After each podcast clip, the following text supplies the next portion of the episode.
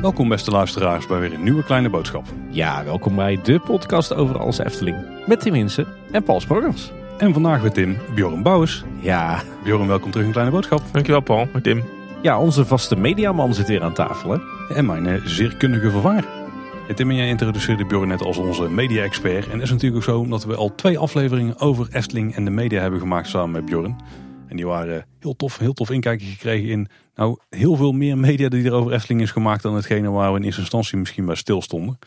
Ja, en dat niet alleen. want Bjorn is tegenwoordig vaste gast bij Kleine Boodschap. Hè? Want hij, hij zat ook bij ons eh, interview met eh, Dennis Bots, natuurlijk de filmmaker. Heel logisch dat onze media-expert toen ook aan tafel zat.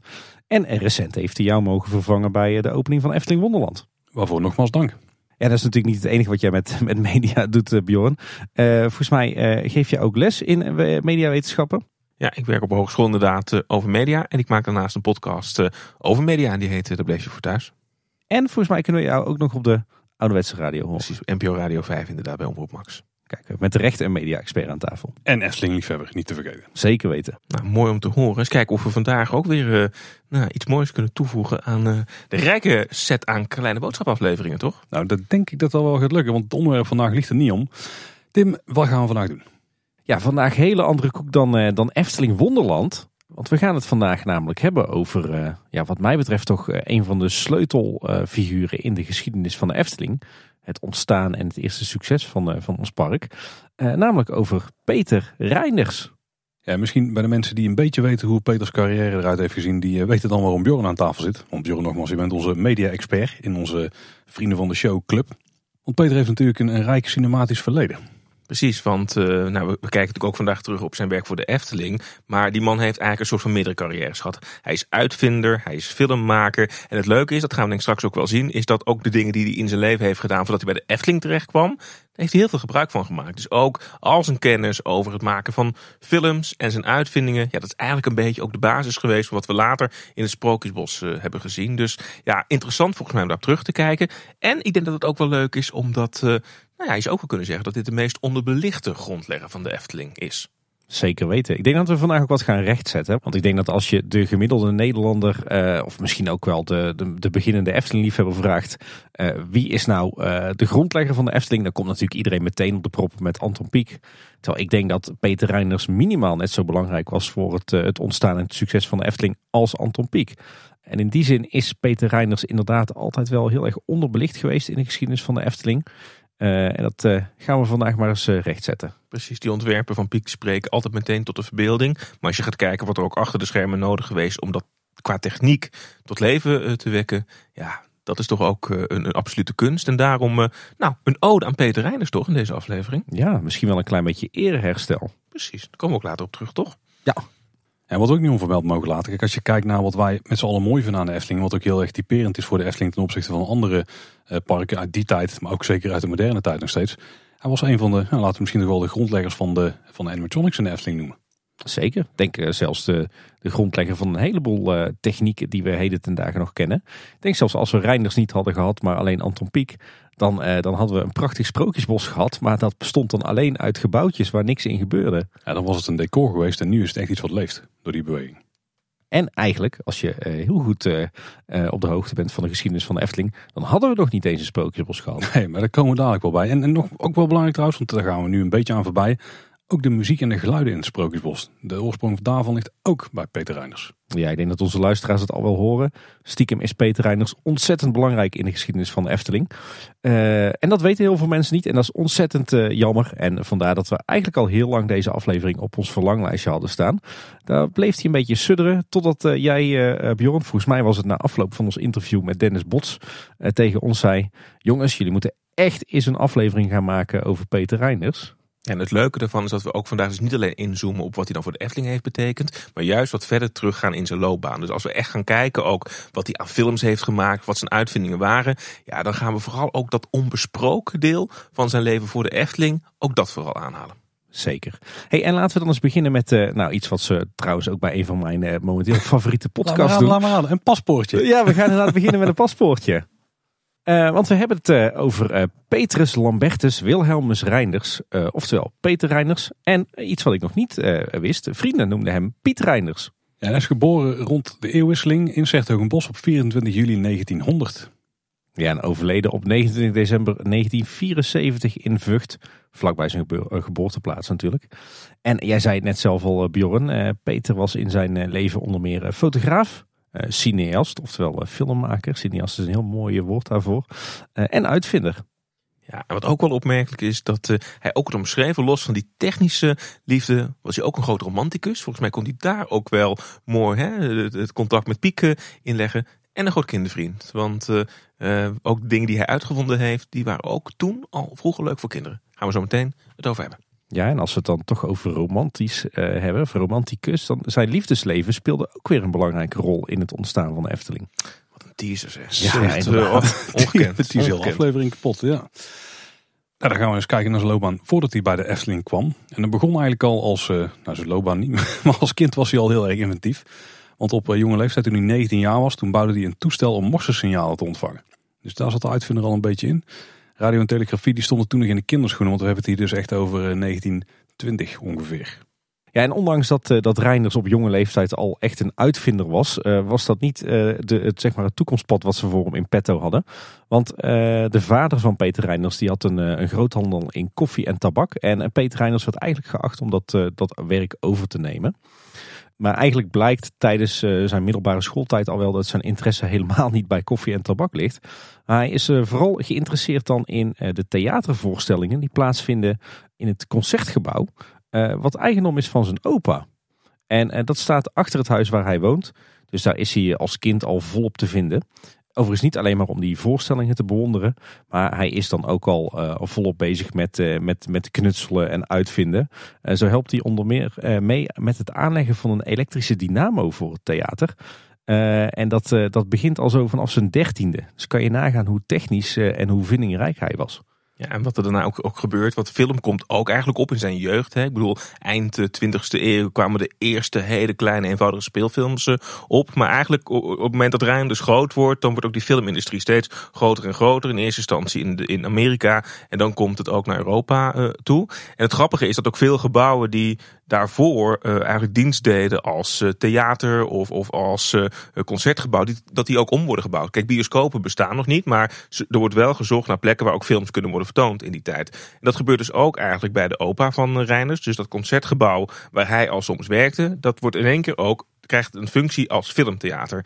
Uh, en dan wordt volgens mij de liefde ook voor film geboren bij eh, Peter Reiners. Hij ziet die, die stomme films. Hè, en die films zijn niet stom, maar die hebben dus geen geluid. Hè, daarom worden ze zo, uh, zo genoemd. Um, en, en daar zoeken ook die concertgebouwen, die zoeken daar dan ook iets op. Dus wat ze willen doen, is ze willen gewoon dat mensen daar die films komen bekijken. Maar die worden vaak op twee manieren om, omlijst. Uh, soms is dat gewoon doordat er dan een pianist of een klein orkestje daadwerkelijk een uh, muziekje meespeelt. Met, met die film op dat moment te zien is. Maar ook, en dat gebeurde vooral ook bij komische films in die tijd, is dat ook met geluidseffecten werd gewerkt. Dus als je bijvoorbeeld Charlie Chaplin terug hoort, als die dan viel, dan was het in die tijd vaak zo dat iemand achter de schermen dan het een klap gaf. Of probeerde een soort geluidseffect te maken, waardoor dat ook in de zaal eh, te horen was. Allemaal vanwege het ontbreken van inderdaad nog geluidssporen. Maar ook inderdaad om, eh, die theaters hadden vaak ook de functie om een goed orkest kwijt te, eh, te kunnen. Ja, in die wereld begeeft Reinders zich al. Hè? Dus hij weet al gebruik te maken van hoe, hoe kun je toch geluid ondersteunend laten zijn aan beeld. Hij ziet heel veel van die uh, stomme films en hij raakt daar wel door geïnspireerd. Um, ja, en, en als jong jongetje staat hij daadwerkelijk dus ook echt mee te werken in dat theater. En uh, ja, daar is dus de liefde voor film ontstaan. Maar ook volgens mij al de liefhebberij om te weten hoe je met technische oplossingen mooie dingen voor elkaar kan krijgen. Ja, inderdaad. Techniek, uitvindingen. En je zou dus kunnen zeggen dat dat, dat, dat zaadje eigenlijk geplant is door zijn opa, hè, die dus uh, dat concertgebouw had. Ja, Peter Reinders gaat uh, na de middelbare school naar de HBS. Maar daar stopt hij na drie jaar. Uh, overigens tot groot ongenoegen van zijn vader. Want die ziet dat uh, natuurlijk helemaal niet zitten. dan ontwikkelt Reinders een nieuwe interesse. die ook weer mooi aanvullend werkt op zijn interesse in film. Want ehm, dan begint hij geïnteresseerd te raken in fotografie. Peter Reinders die verhuist dan naar Den Haag. En, na zijn diensttijd, want hij moet natuurlijk in dienst bij het Nederlandse leger, gaat hij verder met fotografie. Eh, in eerste instantie nog echt als, eh, als hobby. En ondertussen heeft hij dan uh, verschillende baantjes, bijvoorbeeld als vertegenwoordiger of, of handelsagent. Iets wat we tegenwoordig accountmanager zouden noemen met een, een moeilijk woord. en in die functie bedenkt hij eigenlijk al verschillende technische handigheidjes. Voornamelijk voor Philips. En Philips is wel een, een hele, lang, hele belangrijke naam in de biografie van Peter Reinders. Al die leuke uitvindingjes die, die past hij trouwens ook toe in zijn privéleven en in zijn omgeving. En dan zie je trouwens ook al meteen in terug dat hij echt wat had met kinderen. Want uh, in zijn woonplaats Den Haag uh, wil hij op een gegeven moment kinderen gaan verwonderen door een boom snoepjes te laten toveren.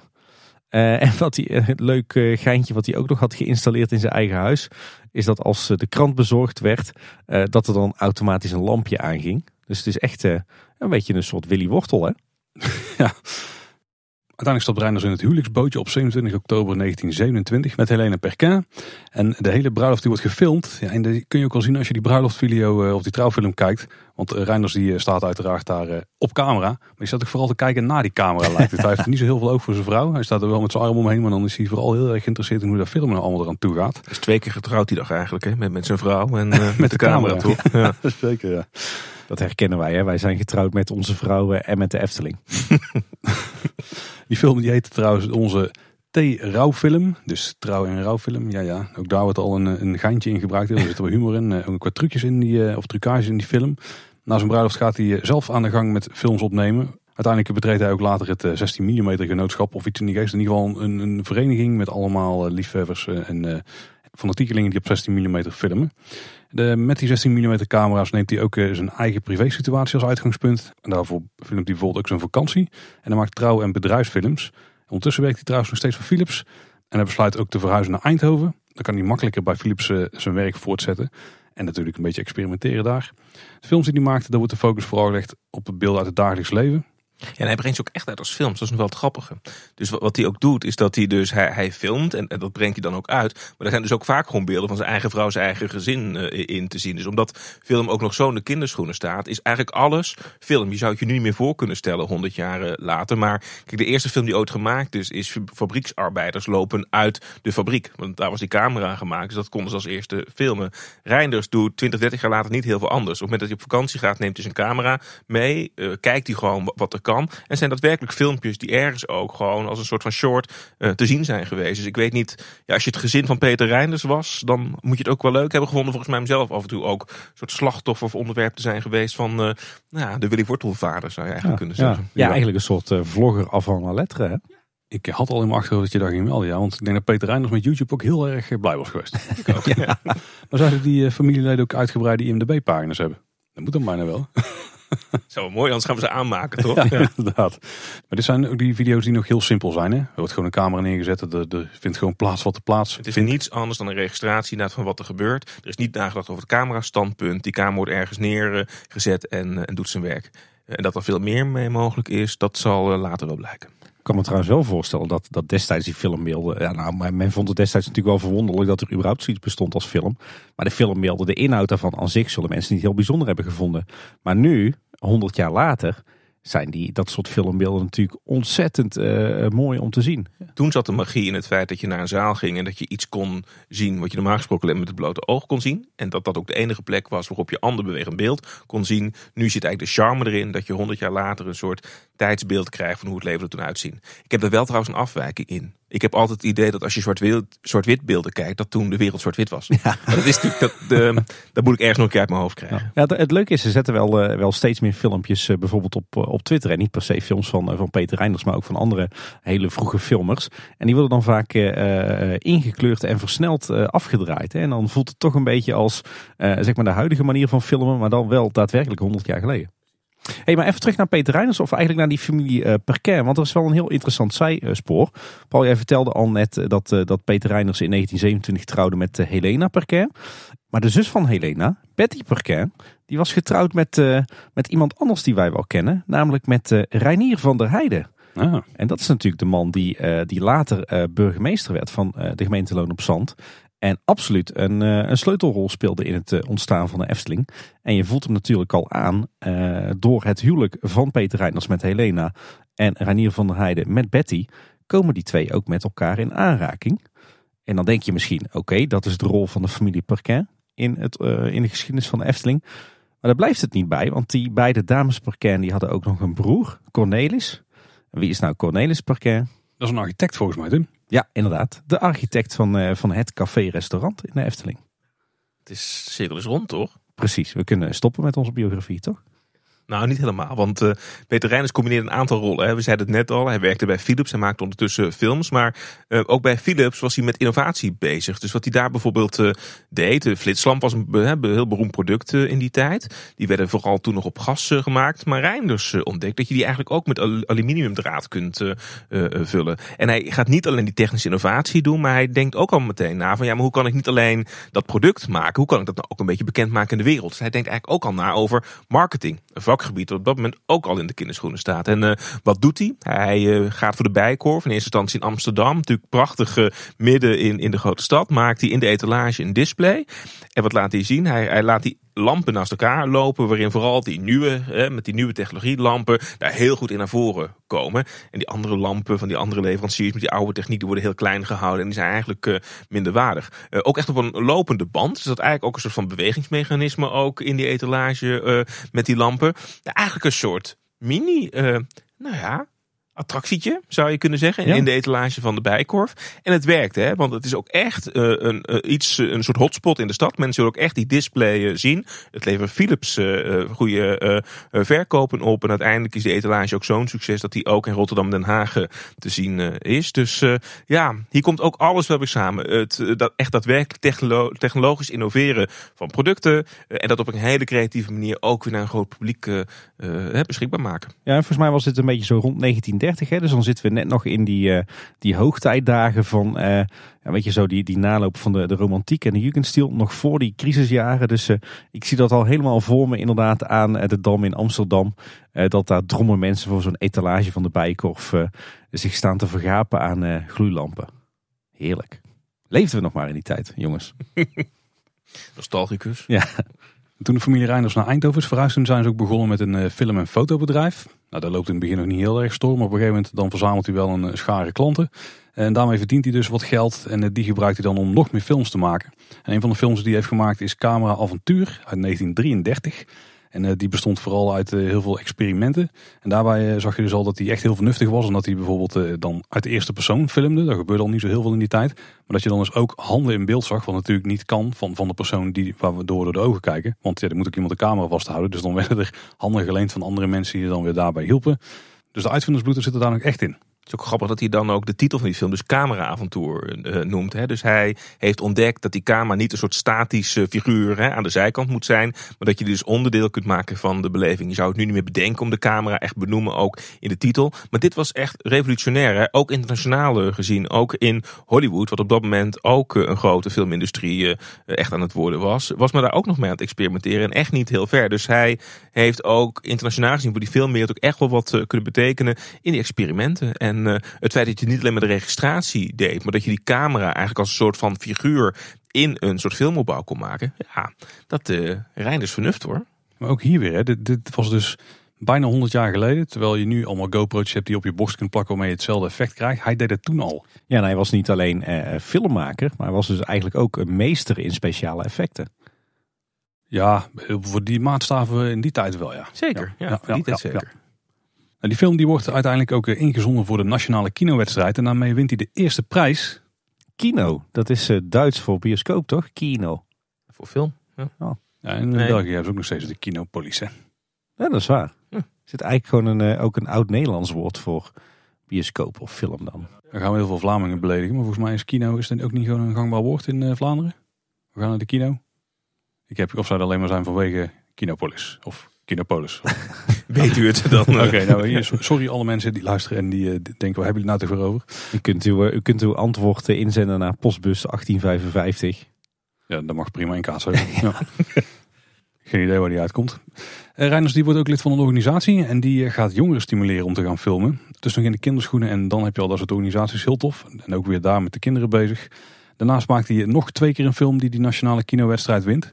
Onder andere eentje um, Ik stehe im regen. Ja. Dus er zat ook wel special effects al in. Ja, dat, nou, sowieso. Dan komt geluid in één keer om de hoek kijken. Dus, dus dan, hij laat daadwerkelijk ook een vrouw, ik stehe in regen, uh, zingen onder een paraplu. Met geluidseffecten ook van de regen op die uh, paraplu. Waarin we inderdaad ook heel veel overgangen zien. Waarin het beeld een beetje gemanipuleerd uh, wordt. Dus we zien hier ook een soort van gekke overgang inderdaad van een winkelstraat. Met regen, met een paraplu. Hij gebruikt muziek en hij gebruikt fantastische overgang inderdaad om dat verhaal te vertellen. Ja, en, en geluid vertaalt hij ook gelijk weer naar muziek. Dus hij heeft ook uh, gelijk het idee van ja, maar dan kan ik ook dus muziek gaan combineren in film en niet alleen gesproken tekst. En dat doet hij ook als een van de eerste Nederlanders in de film hier. Volgens mij heeft hij daar dus ook gebruik gemaakt van dubbele belichting van dezelfde frames. En volgens mij zaten er ook een soort regeneffecten in waarbij nog ja, ik, ik, denk ook op de frames, dus op de beeldjes nog druppels hebben ingetekend na de rand. Klopt. Ja, dus wat hij vooral ook doet is niet alleen dat in het filmen zelf, maar ook in de nabewerking zou je kunnen zeggen. En nu is dat makkelijk, want dan open je computer en dan ga je dat allemaal toevoegen. Maar wat je zegt Paul, je moest dat toen allemaal frame voor frame, beeldje voor beeldje op de daadwerkelijke opname zelf aanbrengen. Ja, en dat doet hij als een van de eerste. En dat levert een fantastisch dus effect op in die film. Ja, er werd geëtst denk ik hè, op de filmrol. Ja, klopt. Echt precisiewerk moet het zijn geweest. Reiners was in die tijd ook nog lid van nog meer verenigingen, zoals de adviesgroep Katholieke Filmactie. En die zou dan eh, de slechte films moeten bestrijden, want de katholieke kerk vond de films maar een vreemd te komend fenomeen. En ook opvallend is dat Reiners in die tijd heel erg experimenteert met storytelling. Nou, we hadden net al dus die ik-camera, maar hij had dan zelfs nog een paar meer uh, camera-methodes op dag, zoals de observerende camera, de subjectieve camera en de camera vanuit de acteurspositie. Dus dat is weer die eerste persoon. Wat zijn die andere twee precies, Bjorn? Dus, eh, de observerende is gewoon dat je ziet man in auto en die rijdt uh, langs. Bij uh, de subjectieve camera heb je een soort van wisselingen in het beeld waarin je eigenlijk een soort van gesprek zou kunnen volgen vanuit de auto. Iemand buiten de auto, een totaalshot op de auto. Dus hij speelt eigenlijk in het verplaatsen van soort settingen. Um, en de acteursposities op het moment dat we eigenlijk met die acteur in die auto zitten en met hem mee rijden. En het klinkt allemaal logisch, hè, want we zien iedere dag niks anders. Zet een tv-programma en je denkt van ja, het is toch logisch dat het zo gemonteerd wordt. Maar je moet het iedere keer weer bijna 100 jaar terug in de tijd plaatsen op het moment dat dat soort dingen nog niet gewoon zijn. En hij probeert het allemaal eens, of het nou het eerste trucage is, of het nou het eerste geluidseffect is, of camera standpunten. Hij is een van de eerste Nederlandse filmers die dat allemaal uitgeprobeerd. Uh, en daardoor komen er ook steeds meer verhaaltjes. Hè. Dus jij noemde ook al die storytelling, uh, Paul. Um, daarmee wordt het ook veel meer verhalender. Daarvoor waren toch observaties of een vrouw die zingt, al dan niet met trucages. Hier komen ook echt de eerste ja, verhalende en, soms ook hele gekke dingen. Dus hij maakt op een gegeven moment ook een soort van uh, trucagefilm met een soort rijdend koffiekarretje in zijn eigen tuin die dan wat schade aanricht uh, aan, aan dat huis. Nou, er zitten ook een soort mini-verhaaltjes in die ook veel meer een verhaal proberen te vertellen dan alleen die observatie van wat we zien. Was dat dan weer stop motion? Nou, dit was volgens mij echt gewoon iemand die het een, uh, een touwtje of een, een duwtje gaf, inderdaad. Ja. Dat is ook een voorbode van wat er later gaat gebeuren. Precies, precies. Ja, inderdaad, technieken die we later inderdaad in de jaren 50 in het Sprookjesbos uh, toegepast gaan zien worden. Ja, en Reiners is echt een, een multitalent. Want terwijl dat hij uitblinkt op het, het gebied van film, blijft hij ook bezig met fotografie. Ergens in de jaren 30 wordt namelijk in Brussel een systeem uitgevonden waarmee je meerdere foto's op een glasplaat kan plaatsen. En Reiners die hoort daarvan en die gaat zelf ook aan het knutselen en die maakt daar zelf een apparaat voor. En op die manier wordt hij eigenlijk specialist op het gebied van uh, portretten en kinderfoto's. Uh, hij begint zelfs een eigen fotografiezaak, alsof hij nog niet genoeg te doen had. En ondertussen bedenkt hij ook nog een manier om kleurenfoto's zo af te werken, nadat ze zijn afgedrukt, dat ze echt kleurbestendig zijn en blijven. en dat werkt erg goed, want zijn kleurenfoto's worden een groot succes. En uh, wat heel erg bijzonder is, is dat als je de kleurenfoto's van destijds, die dus zijn gemaakt met het procedé wat Reinders had, uh, had uitgevonden, die zijn nu nog steeds goed van kleur. Kan je nagaan. Mooi hè, hoe tijdloos dat dan is. Ja, en, en, en behalve film en fotografie en alles wat hij doet, gaat hij vanaf 1935 ook nog iets anders uh, doen. Want dan wordt zijn filmisch talent ingezegd voor het Eindhovens Journaal. Um, en, en dan gaat het niet meer inderdaad om uh, het laten zien van uh, fictieve beelden. Maar dan gaat het gewoon eigenlijk om ja, reportages. Reportages over wat er een beetje in de wereld gebeurt. En, en wat wel leuk is, is dat daar de katholieke kerk ook wel heel erg al terug naar, naar voren komt. Dan ga je ook een beetje terug naar de roots van, van de Efteling. Wat hij vooral ook, ook doet, zijn bij bijeenkomsten van de katholieke kerk, hè, waar de notabelen en de vertegenwoordigers van die kerk bij elkaar eh, komen, die worden vooral in Bourgondische setting, ik zie het enthousiasme bij jullie ook alweer uh, komen. Maar die worden daar vooral uh, al etend en drinkend uh, gefilmd. wat is de nieuwswaarde daarvan? Ach, niet, misschien niet zoveel. Maar laten we heel erg ook gewoon zien hoe het nou, katholieke Brabantse leven van toen eruit zag. Dus ja, dat, dat was eigenlijk een soort commercieel werk voor het Eindhovense journaal. Eigenlijk nog steeds wel actueel, hè? want als je, of dat is in ieder geval eh, in onze jeugd, als je dan uh, video's zag die waren opgenomen bij familiefeesten of bruiloften, dan waren dat toch vaak hele saaie filmbeelden van alle familieleden die, uh, die ja. hun diner naar binnen zaten. Om Henk rokend en etend, uitbuikend op de, op de camera, ja hoor. Ja. Wat hij ook uh, gaat doen, hè, want die duizendpoot gaat ook meewerken aan een filmblad. Het heet Filmdrift. Hij leidt de redactie en uh, dat doet hij vaak ook, ook, later in andere initiatieven. Ziet hij zichzelf ook als iemand die vooral die film wil promoten. En ook de mogelijkheden van film wil aanleren, ook weer aan nieuwe makers. Dus los van dat hij zelf wil maken, creëren, uitvinden, heeft hij ook uh, de neiging om over te publiceren. En anderen daar weer mee te inspireren en daarin op te leiden. Um, en blijft hij verder uitvinden, omdat hij dan ook weer een techniek uh, weet uit te vinden waarin hij die 16 mm films die Paul net uh, al noemde, ook gewoon parallel kan laten lopen met geluid. Dus dat je dat niet allemaal apart weer uh, beeldje voor beeldje hoeft aan te haken, maar dat je dat automatisch synchroon kan laten lopen. Een grote revolutie. Um, en uh, ja, Reiner zorgt ervoor dat dat naast in de Verenigde Staten ook in Nederland uh, mogelijk wordt. En uh, ja, dat wordt breed toegepast. Sterker nog, daar ligt eigenlijk een soort van basis van hoe we dat nou, vandaag de dag eigenlijk nog steeds kennen. En misschien dat dat zonder Reiners allemaal veel langer had, had geduurd. Ehm, daarnaast hè, werkt hij ook nog door aan zijn, zijn film. En daar gaat hij nog verder experimenteren. En het bekendste werk wat hij daar heeft gemaakt is Parfum d'amour mij alle talen zo'n beetje, de titels van uh, Peter Reinders. Um, en dan gaat hij eigenlijk nog meer los. Wat hij daar bijvoorbeeld uh, doet. Het is een vrij dubieuze film, kan ik je vertellen. Want het gaat eigenlijk over een boven, over, over een, een, een, een, dame met een gekke benedenbuurman. Um, en zij krijgen ruzie, want er is allemaal geluidsoverlast. maar dan komt er een magisch parfum. En dan komen die twee wel heel dicht bij elkaar, zou je kunnen zeggen. En welke trucage zit er nou in? Nou, hij bedenkt dat, dat je eigenlijk met een langspeel platen, zo'n platen spelen en de rotatie erop zitten. Als je daar de camera op gaat, gaat zetten en, en je laat het camerawerk ook deels hè, door die platenspeler doen, dan krijg je een soort van heel surrealistisch uh, effect. Dus als je dan het parfum ruikt, dan raak je in een soort van dromerige wereld uh, terecht. Je moet hem opkomen, toch, Paul? Nou ja, dat is het bijzondere dus. Hij deed het dus al in die tijd. Tegenwoordig is het ook weer, je zet je computer aan, je laat je beeld in. Waarschijnlijk sleep je één effect erop en dan heb je een vergelijkbare situatie. En toen kon je gewoon met een platenspeler een wervelwind aan filmbeelden laten ontstaan. Mooi man. Zijn eigen film- en fotografiebedrijf die breidt hij ook nog steeds verder uit in samenwerking met Philips. Want een aantal van eh, de producten die hij zelf heeft ontwikkeld, die brengt hij op de markt op dat moment. En daaronder eh, vallen filmspots, dus lampen, en een beeldovergangenapparaat, ja ja, en een titelapparaat. Dus die knipwerkzaamheden die je moest doen, daar had hij dus geautomatiseerde apparaatjes voor. Ja, want vooral films die geen uh, gesproken teksten hadden, die hadden dan vaak een soort titel van help, de buurman verdrinkt of zo. Maar dat werd dan vaak in tekst in beeld uh, gezet. En hij had iets wat je automatisch, dat je die tekst daadwerkelijk ergens in kon uh, zetten. Hè. Dat werd dan een soort van gestanst en erin gezet. En dan werd het automatisch zichtbaar in de film. Doet me terugdenken aan de Laurel en Hardy films die ik met mijn opa altijd keek. Daar zaten ze in, die titels. Ja. ja.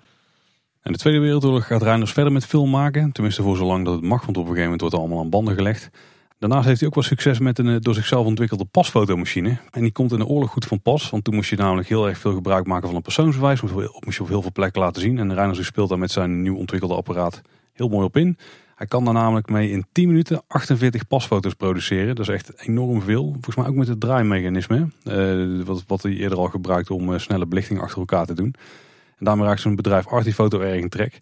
Maar films, daar moet hij dus even mee wachten. Want ja, tijdens de Tweede Wereldoorlog mag je van de Duitsers op dat moment in Nederland, tenminste vanaf volgens mij 42, mag je niks meer uh, produceren. Is eigenlijk ook wel weer inventief. Hè? Ik bedoel, de aanleiding is niet zo mooi. Maar op het moment dat er gewoon, omdat je continu inderdaad je moet identificeren. Hij speelt daar wel op in. Hè? En uh, hij weet dus ook techniek, zelfs in tijden van oorlog, dan toch ja, in te zetten, zeg maar, wat op dat moment nodig is. Dus het is ook iemand die wel gewoon ja, inspeelt, gewoon wat er op dat moment gewoon in de wereld uh, gebeurt.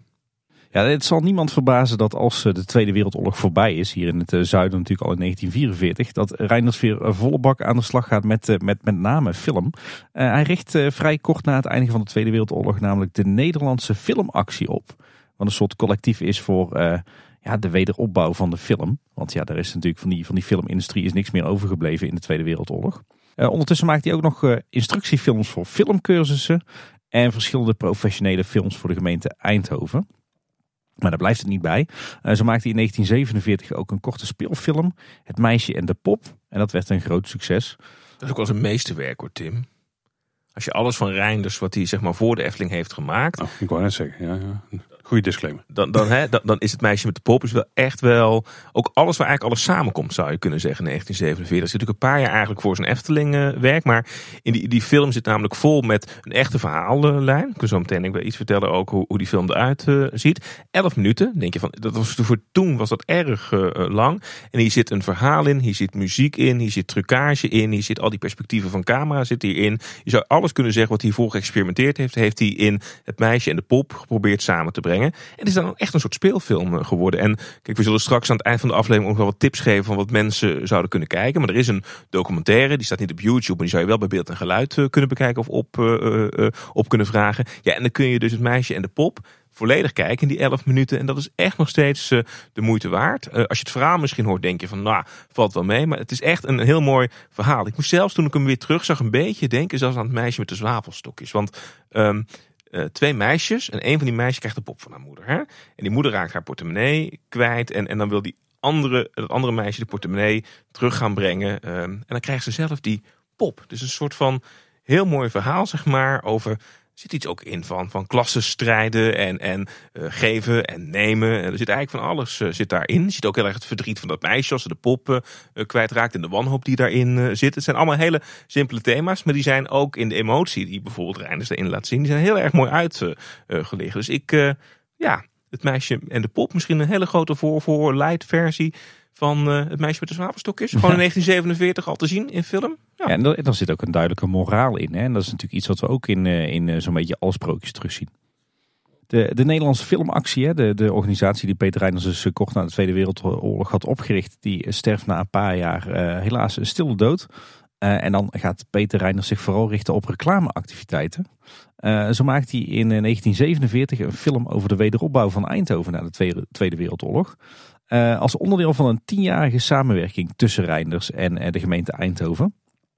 Wat interessant is, is dat uh, het geluid bij die film wordt verzorgd door Jan van Oort. Hmm. En die naam die moet je even onthouden. En misschien herken je hem ook al wel uit de, de geschiedenis van de Efteling. Uh, nou ja, Reiners heeft dus al tienjarig contract lopen met de gemeente Eindhoven. Maar dat gaat niet helemaal lekker. Want uh, hij houdt zich uh, lang niet altijd aan de afspraken die met de gemeente Eindhoven zijn gemaakt. voor het gevoel van de gemeente gaat hij helemaal los op als een opdrachten. en de gemeente verplicht hem eigenlijk om zich juist alleen maar aan die opdrachten te houden. En niet meer te doen dan dat. En uiteindelijk rond Reiners die opdracht al af in, in 1952. Overigens blijft hij daarna nog wel actief voor de gemeente Eindhoven. Want uh, tot 1958 maakt hij alles bij elkaar nog een vijftal reportages voor, uh, voor de gemeente. Uh, voor zijn werk aan vrije films en fotografie heeft hij dan geen tijd meer. Want, ja jongens, vanaf 1951 duikt Peter Reiners vol op de Efteling. Voordat we het over gaan hebben, we ook nog wel één stukje van zijn vernuft aanhalen. Want toch wel interessant. Uh, nogmaals, tegenwoordig uh, open je een video-editor en kun je allerlei trucjes daarin uithalen. Waarschijnlijk in veel gevallen met twee of drie klikken. Jij wel, ik niet. Uh, dat is ook wel een geldig puntje. maar, maar Peter Reiners die, wist heel veel van die trucjes die je nu kunt doen toen al uit te halen. En hij bedacht ze dus ook, hè, want je, je moet er maar opkomen. Want in, in principe was een, een, camera natuurlijk een mechanisch apparaat. Daarin werd gewoon on, onbelichte film met voor of achter de lens doorgetrokken. Daardoor werd hij belicht. Nou, en dan kon je hem uiteindelijk weer ergens anders opleggen en afspelen. Maar hij bedacht dus ook van, ik kan die film ook achteruit laten draaien terwijl ik opneem. Of juist achteruit, uh, alle beeldjes losknippen en achteruit plakken, zodat dingen in één keer achteruit gaan lopen. Kan de camera ook stilzetten, de scène veranderen en dan weer aanzetten. Zodat dat er misschien elementen zijn verdwenen of verschenen in het, uh, in het beeld. Of kan de, gewoon ieder beeldje stuk voor stuk belichten, de stop motion doen.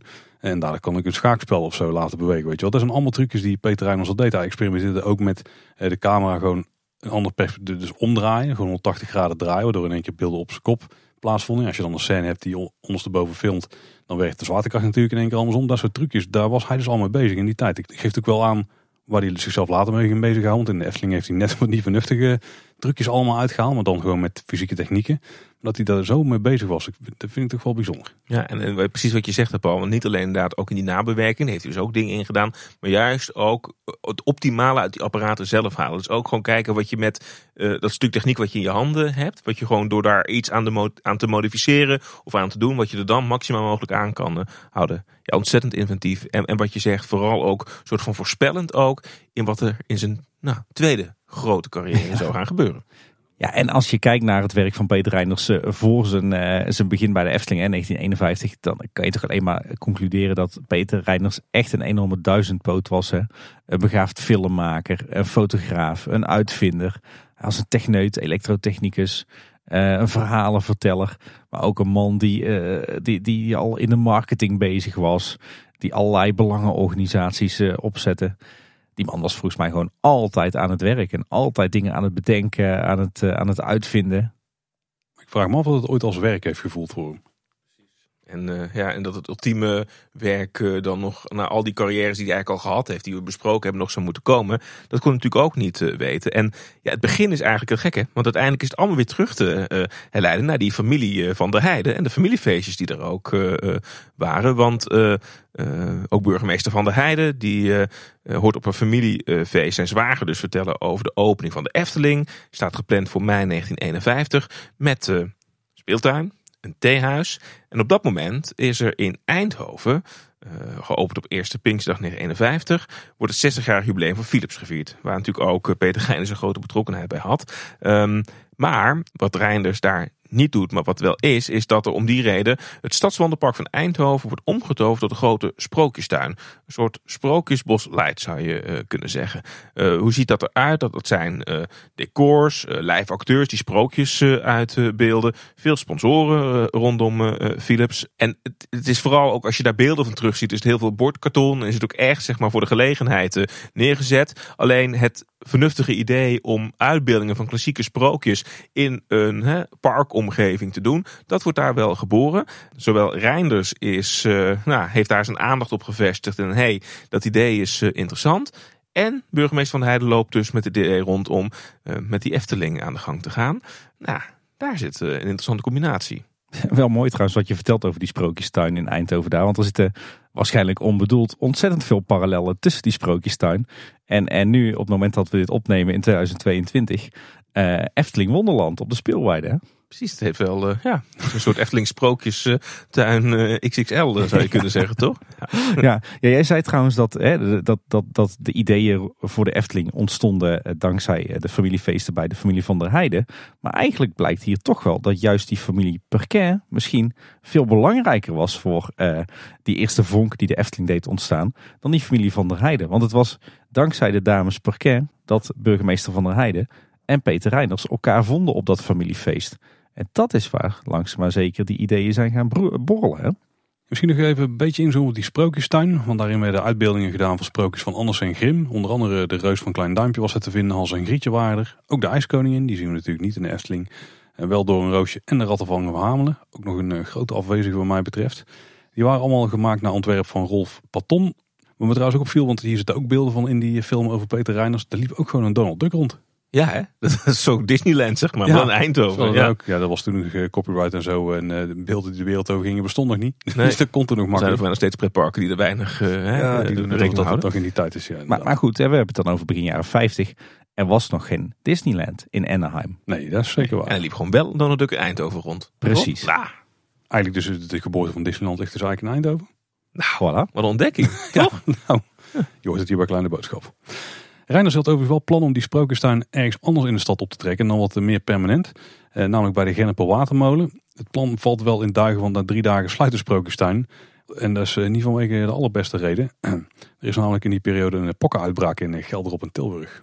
Kijk, uh, ook weer een beetje corona af van letteren zou je kunnen zeggen. Ja, laten we hier maar uh, gauw aan voorbij skippen. Maar dat is in ieder geval wel de reden waarom die dus uh, niet een permanente vorm in Eindhoven heeft gekregen. Of in ieder geval een vervolg. De koers van de sprookjestuin worden overigens later nog wel door de originele bouwer De Winter geëxploiteerd. Dat is een aannemer uit Rotterdam. En uiteindelijk verkocht aan de gemeente Wassenaar. Daar wordt de Haagse sprookjestuin ingericht. Geopend op 25 juli 1952. Ja, die hadden net wel eerder moeten zijn. Is net een paar maanden te laat eigenlijk. Wordt overigens wel een groot succes. Maar er is op dat moment natuurlijk ook nog een andere plek in Nederland waar uh, nou, iets sprookjesachtigs opent. Ja. iets langer voorhouden. Ja, maar dan moeten we toch weer even een klein beetje terug in de tijd. Weer terug naar dat, uh, dat familiefeest bij de perkentjes, uh, zo gezegd. Uh, want ja, hoe, hoe komt daar nou die Eindhovense sprookjestuin ter sprake? Nou ja, wat blijkt, de Efteling opent natuurlijk in mei 1951 met die speeltuin en het theehuis. Maar ja, Van der Heijden en ook Reinders hadden toch het gevoel dat er maar weinig groeipotentie in zat. Hè. En speeltuin en theo's, theehuis, dat vond je, natuurlijk, uh, vond je natuurlijk overal. En het is de vrouw van een burgemeester, uh, Reinier van der Heijden, die uh, met het idee komt van laten we nou een soort van stunt uithalen om die Efteling aantrekkelijker te maken. Het zijn toch vaak de vrouwen van die met de goede ideeën komen. Dat is nog steeds zo hoor. ja, en het was op die verjaardag Peter Reinders die opperde om een soort permanent sprookjespark aan te leggen. Met echte poppen die de illusie moesten wekken dat ze levend waren.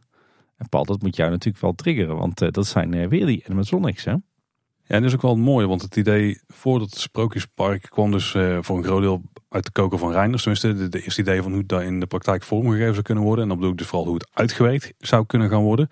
Want Peter Reinders was vernuftig, hij was storyteller, hij kon allerlei mechaniekjes wel maken, want hij had die technische achtergrond vanwege zijn uitvindings uitvinders bestaan, laten we het zo maar noemen. En uh, als wat hij met camera's had gedaan.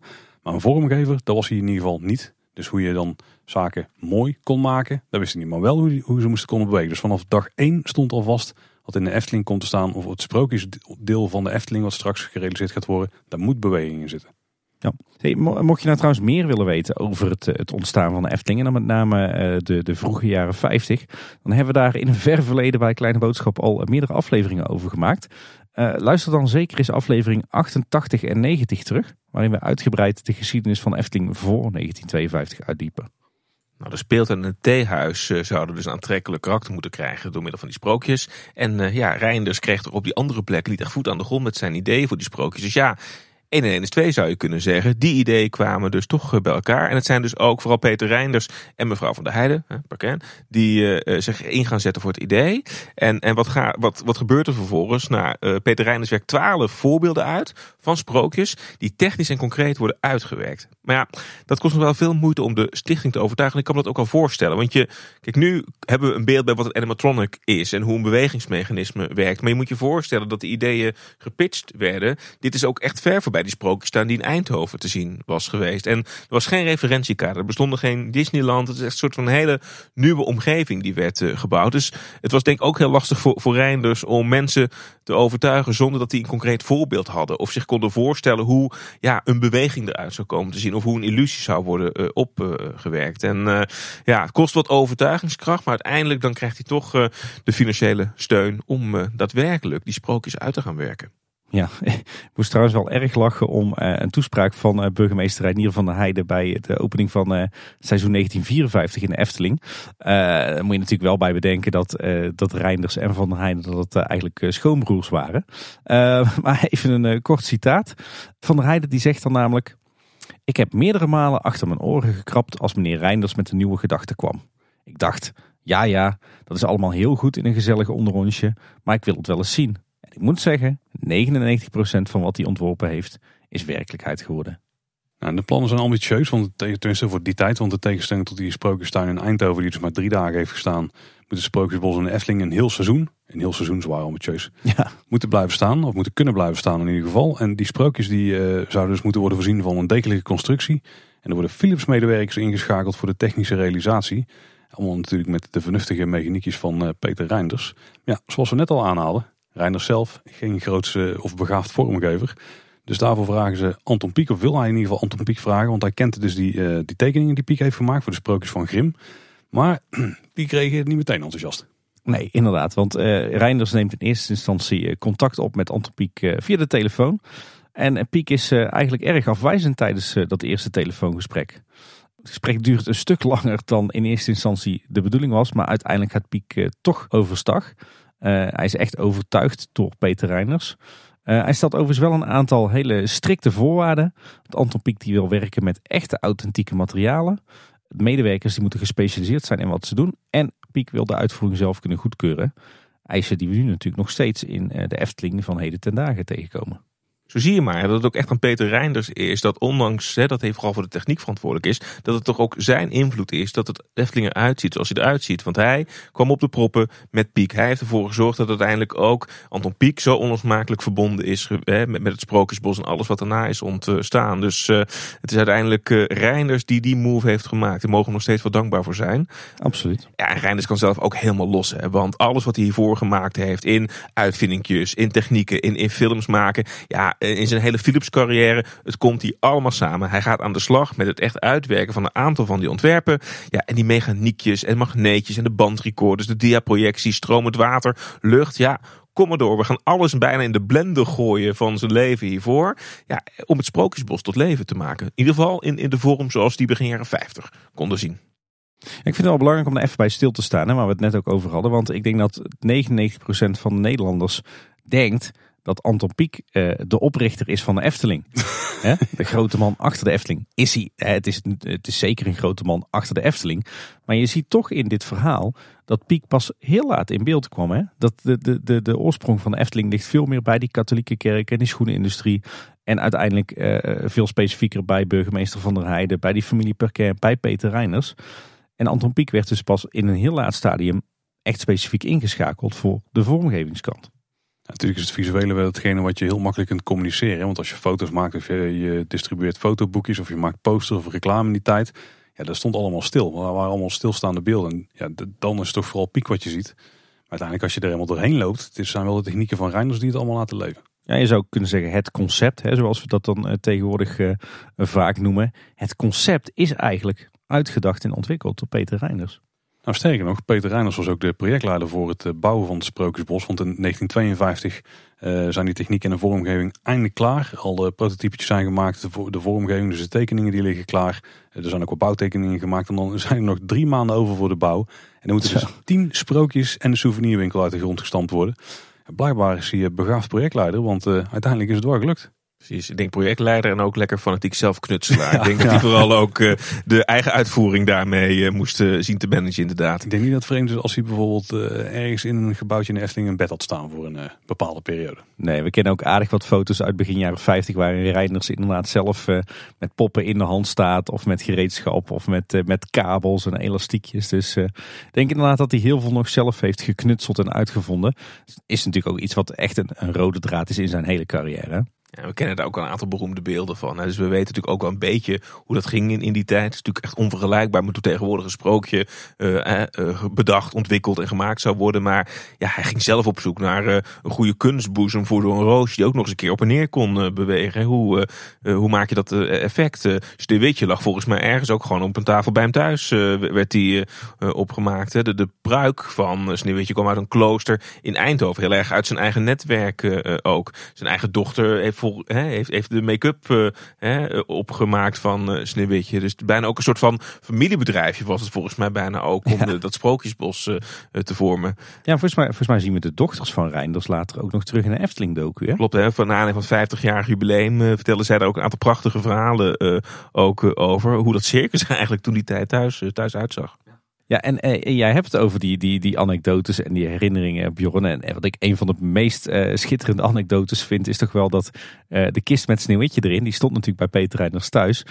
ja, die moesten ze naar de Efteling vervoeren, maar dat werd hem niet met een normale auto. Dus heeft Peter Reiners uiteindelijk een lijkwagen geregeld om hem van Eindhoven naar Kaatsheuvel te vervoeren. Ja, en in Kaatsheuvel kwam hij toch echt wel in bijzonder begaafde handen, die kist. Ik heb inderdaad gehoord dat het een vrij zware kist was. Uit betrouwbare bron. Ja, heel betrouwbare bron. Toen ik twee was. Ja. Toen is mijn opa overleden, maar dat tezijde. Ja, want voor de luisteraars die, eh, die deze anekdote nog niet kennen. Dat was inderdaad jouw, eh, jouw opa. Die stond uh, aan de kist van Sneeuwwitje. Die is een van de vier heren die Sneeuwwitje in de grot heeft gelegd. Een van de twee heren zelfs. Met de twee heren geteld. Oh, verrek. Ja, zeker. Onze opa stond aan de achterkant hè, te sjouwen. Maar dat is, dat is lang geleden. Dan vlakbij ook nog een ander sprookje. Het bruiskleed van Genoveva. Of hoe zou je het uitspreken, Bjorn? Want wij hebben hier nog wel eens discussies over. Genoveva. Dat, Genoveva. Uh, we doen het gewoon lekker Nederlands. Uh, daar heb je natuurlijk uh, die gekleurde duiven. Toen nog. En dat idee van die duiven kwam ook van de familie. Namelijk van Reinders opa. Want die kleurde zijn duiven namelijk wel eens door middel van onderdompeling in speciale bites. En volgens mij gebruikte ik een kwast om ze te schilderen als ik de video moet geloven. Ja, het ging vrij hardhandig. Andere tijd. Toen kon het nog. Ja, maar de, de manier die zijn Efting uiteindelijk hebben gehanteerd ging, was, die was iets diervriendelijker, heb ik ja, begrepen. Ja. Volgens mij was de, de opa van Reiners was ook een, eh, een bezig baasje hoor. Als ik dat zo uh, alles bij elkaar optel. Theater Want die had dus, uh, het, het, concertgebouw, wat later een filmtheater werd. Hij zat ook nog in de duiven. Zou dat zo doorgeorven hebben binnen de familie? Het zat in de familie, inderdaad. Ja. Hij had technische uitwerkingen gemaakt voor twaalf sprookjes. Maar uiteindelijk zijn er natuurlijk tien sprookjes gerealiseerd bij de opening van het Sprookjesbos. En ja, Reiner stond aan de wieg van al die sprookjes. Hij bedenkt dus die ideeën voor de techniekjes, de uitbeeldingen van. Maar Piek die maakte er concrete ontwerpen voor. En dan dit denk ik een mooi moment om al die tien sprookjes kort even langs te lopen. En wat dan de toevoegingen of in ieder geval de ideeën en het vernuft van Reinders was wat bij, alles, uh, bij ieder van die sprookjes is gerealiseerd. Ook op de route, maar gewoon er doorheen lopen. Hè? Ja, wel ja, het sprookjesbos ja. doen. Ja. En dan beginnen we bij Door een Roosje. Ja, de bewegende boezem hè? Ja, want het sprookje zelf was verder namelijk meer uitgekleed dan dat het nu was. Uh, bijvoorbeeld de, de keuken was er nog niet. Nee. Dus het was inderdaad die boezem was denk ik wel de meest interessante techniek wat erin zat. Ja, inderdaad. De, de bewegende boezem van Don Roosje zelf. Die moest natuurlijk de, de ademhaling uh, simuleren. Volgens mij gebruikte hij daar toch iets van een blaasbalk voor uit een, een orgel of zo. Uh, en, en een jaar later trouwens, niet in 1952, maar in 1953 kwamen er nog meer figuren in en rond het, het kasteel van Don Roosje. denk aan, aan de schildwacht en, en de koks. En daar is natuurlijk ook uh, stiekem best wel wat beweging in, hè? Allemaal heel subtiel, ja. En ook weer geluid erbij, want uh, nogmaals halen we in het begin ook aan. Heel veel van de geluiden die in Sprookjesbos hoorden, die waren dus ook van de hand van Reinders. Dus die heeft ze vaak bij elkaar gezocht. Die was natuurlijk voor zijn films ook al bezig met uh, geluid en met muziek ook. en de geluidseffecten. Ja. Dus die waren ook vaak van Reinders hand. Ja, volgens mij is de anekdote inderdaad dat Reinders een, een orgelpijp gebruikte om het, het fluitende geluid van het gesnurk van een van die koks te stimuleren.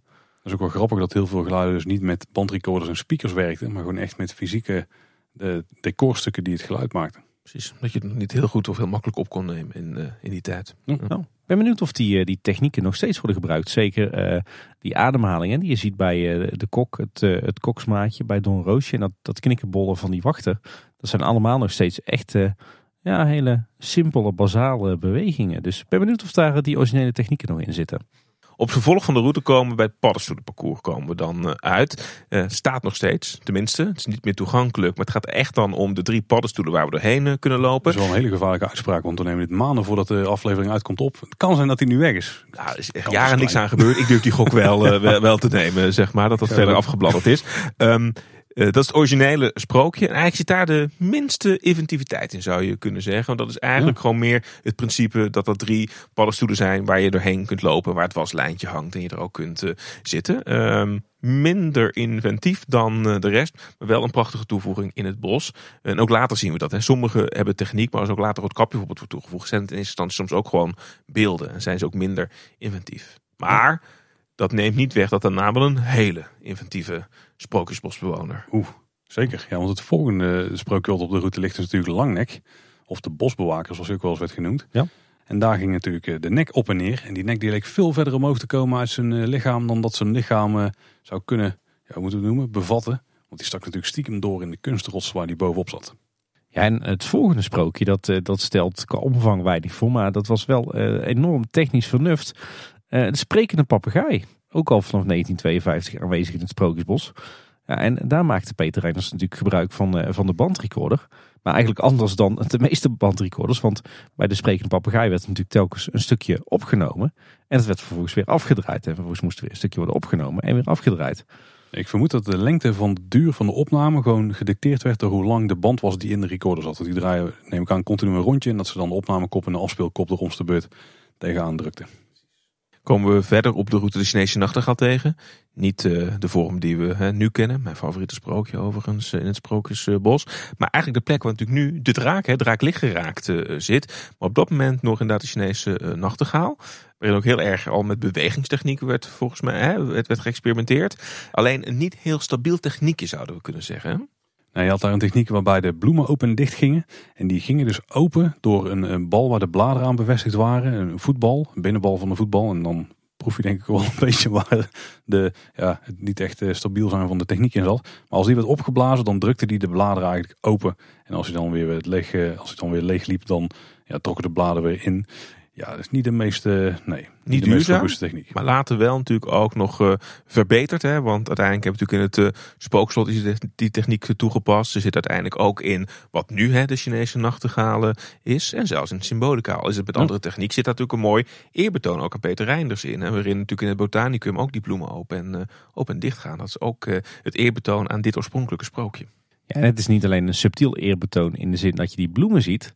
Maar we zien zelfs in Symbolica bij Botanicum, of eigenlijk vlak voordat je Botanicum inrijdt, zien we de naam Reinders voorbij komen. De naam van uh, de planten? Ja. ja. Dus uh, daar stiekem toch een heel mooi uh, eerbetoon aan Peter Reinders toch. Oh, zoals het niet het enige wat bewoog hoor aan het sprookje van de Chinese nachtegaal. Want ook het vogeltje zelf was toch een, een mooi stukje technisch vernuft. Nou, die zat op een hele dunne tak en ondanks dat bewoog het toch, volgens mij boog zijn bekje en zijn lichaam ging op en neer. Of misschien dat het juist wel in het lichaam was op het boog dat daardoor zijn bekje open en dicht leek te gaan. Het volgende sprookje op de route was Vrouw Holle en daar werd weer een andere techniek eh, aange, aangegrepen. In dit geval namelijk een projector. Want het enige wat toen er stond van Vrouw Holle, of in ieder geval wat het sprookje moest uitbeelden, was de put zelf. En daarin zat natuurlijk de projector die via een spiegel een beeld projecteerde in het bodem van de put. En dat is ook wel weer een heel slimme techniek. Want ja, je zit te kijken naar iets en je denkt van een projector, als je al een idee hebt van hoe groot die eruit ziet, dan gaat hij nooit passen in, in, dit, ja, in, in deze put. Want die zit gewoon een metalen plaatje hierbovenin. Maar nee, eh, dat was uh, toch ook weer een slim trucje wat hij eruit haalde. Ja, en het volgende sprookje mogen we zeker niet vergeten natuurlijk. Het sprookje Kleine Boodschap, of de Kleine Boodschap kabouter. Uh, ja, en daar zat natuurlijk ook beweging in. Hè? De arm die op en neer gaat en een stukje geluid weer. Ja, en dan komen we verder het Herautenplein op en dan komen we Sneeuwwitje tegen.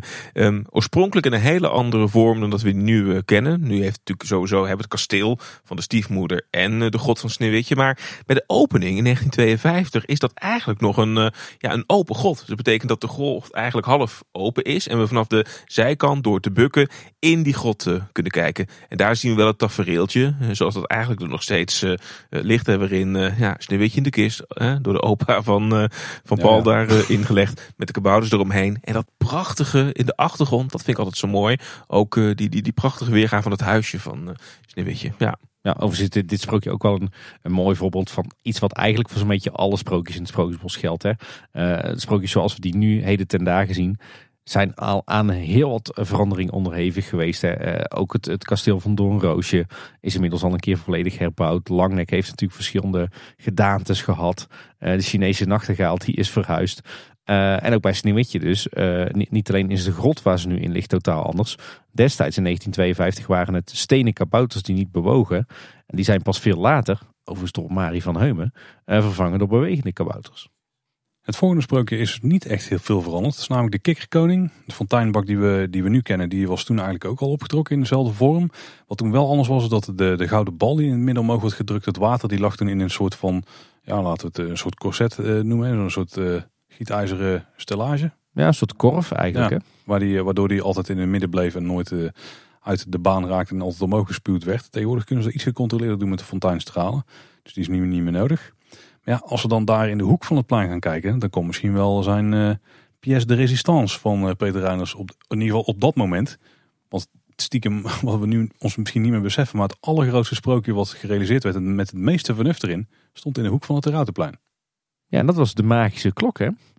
Daar zat stiekem natuurlijk ontzettend veel techniek in. Je had daar uh, de, klok zelf, die natuurlijk op tijd moest lopen. De ruitertjes die om het kwartier gaan rijden. Slimme toon die op de bel moet slaan. Uh, de koningszonen die natuurlijk om hun as draaien en de klaroen naar de mond brengen. En dat alles natuurlijk ook nog eens synchroon op een geluidsband. En sowieso, dat magische klok was ook zo het hart van het sprookjesbos oorspronkelijk. Hè? Want in het huisje, hè, het huisje waar Slimme Toon op zit, dat vormde ook echt uh, nou, het soort het zenuwcentrum van alle sprookjes. Dus ook alle techniek die aangestuurd uh, werd, dat werd allemaal vanuit dat hokje werd dat uh, gedaan. Dus het was eigenlijk ook de plek waar alle kabeltjes en leidingjes en dingetjes van Peter Reinders samenkwamen. Allemaal in de magische klok. Ook het eindpunt meteen van de sprookjesbosroute. Ja, daar, lag inderdaad de controlekamer. Je kunt hem eigenlijk nog, uh, nu nog zien hè, als je vanaf uh, uh, het sprookje van Hans en Grietje zo'n zijpaadje pakt. een van die afsnijroutes richting de Indische waterlelies. Dan kom je op een gegeven moment aan je linkerhand ook het, de ruimte tegen die tegen de magische klok aangebouwd is. En dat was de oude controlekamer. En laten we trouwens een hele belangrijke bijdrage van Peter Reiners in het sprookje ook niet vergeten. De vertelstem die je daar hoort is ook van Peter Reiners zelf. Niet alleen daar, maar ook bij, uh, bij Langnek, hè, bij de Zes Dienaren. Daar horen we Peter ook. Van alle markten thuis de kerel. Ja. Dat is wel duidelijk. Als je het dan trouwens hebt over uh, vertelling en uh, geluidsband. Uh, Reinders die zocht ook zelf al het geluid voor de verschillende sprookjes bij elkaar.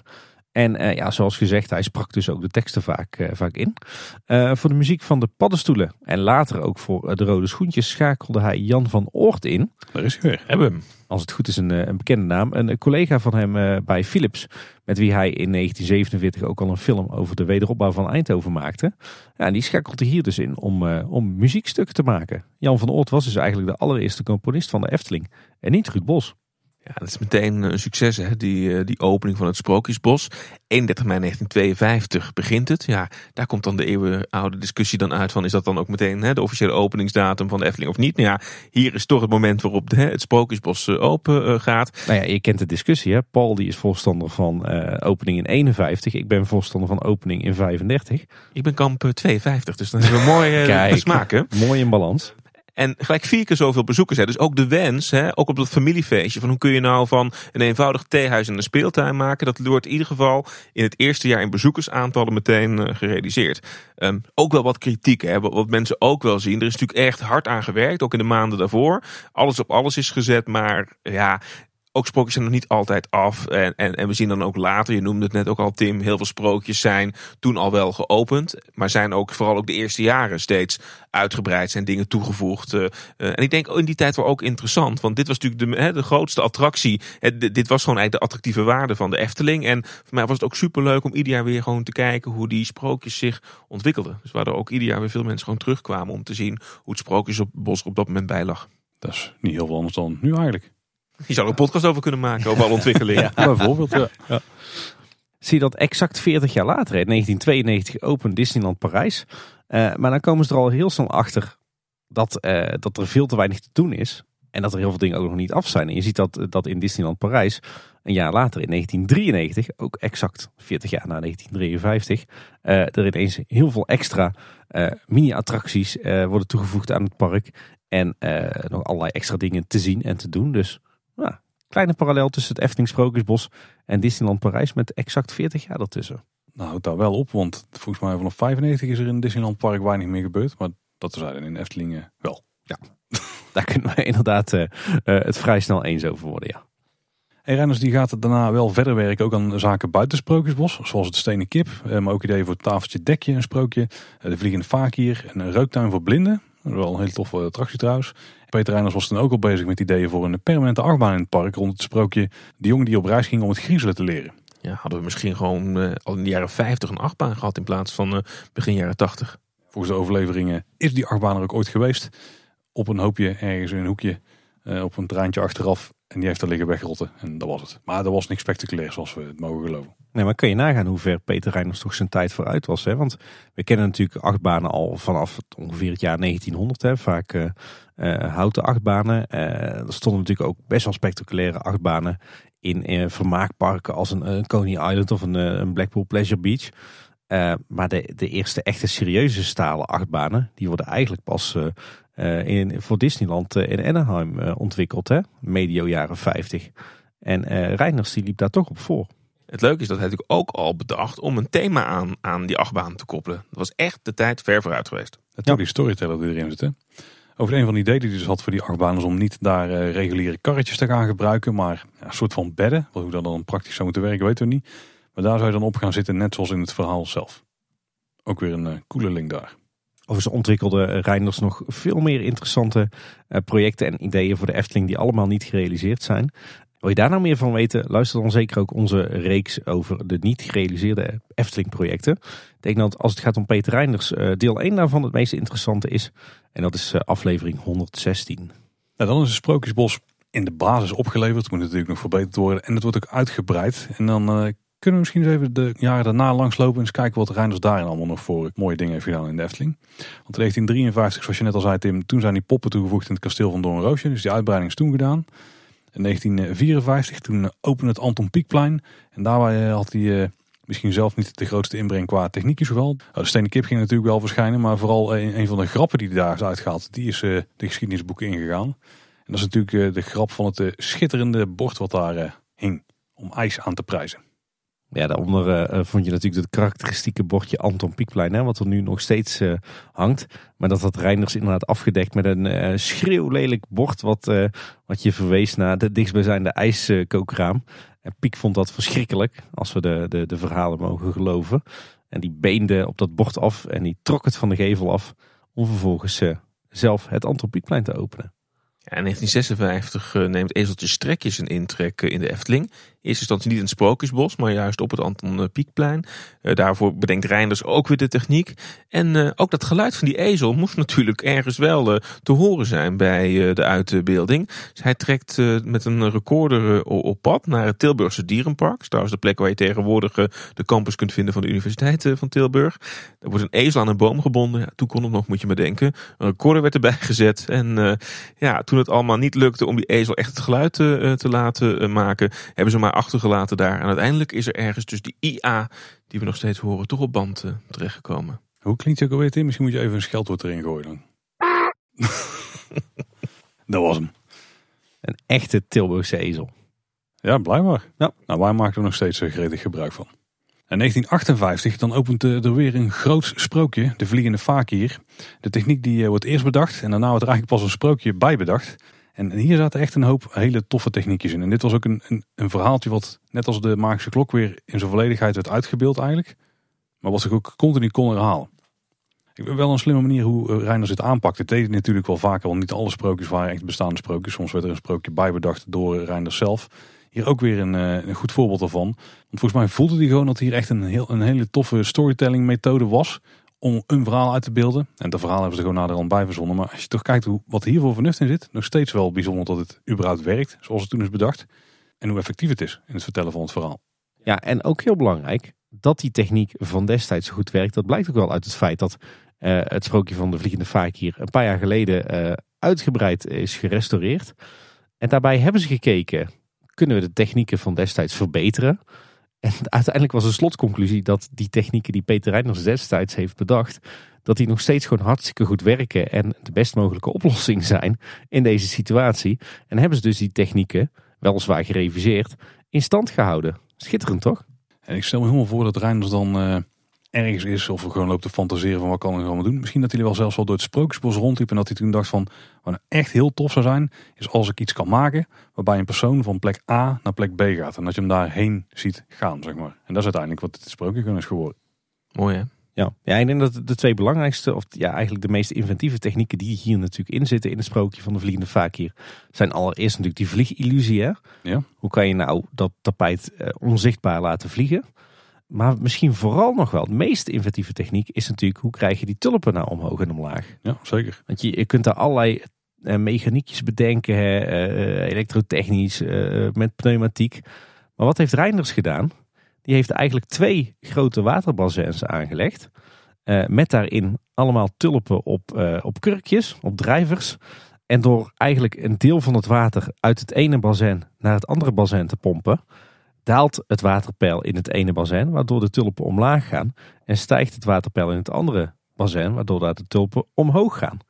Dus door puur en alleen water van het een naar het andere bassin over en weer te pompen.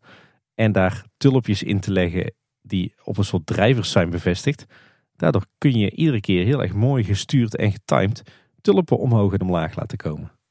Dat principe werkt gesproken nog steeds tot vandaag de dag. Dus zo uh, mooi is die techniek. Ja, volgens mij is het enige wat ze hebben verbeterd zijn de drivers die eronder zitten. Ja, ja, en volgens mij hebben ze een nieuwe, nieuwe afdekplaat neergelegd of zo. En, uh, en nieuwe bladeren uh, aangebracht hè, waar, waar die tulpen uit naar boven komen. Maar inderdaad, de basis van de techniek die is nog steeds hetzelfde.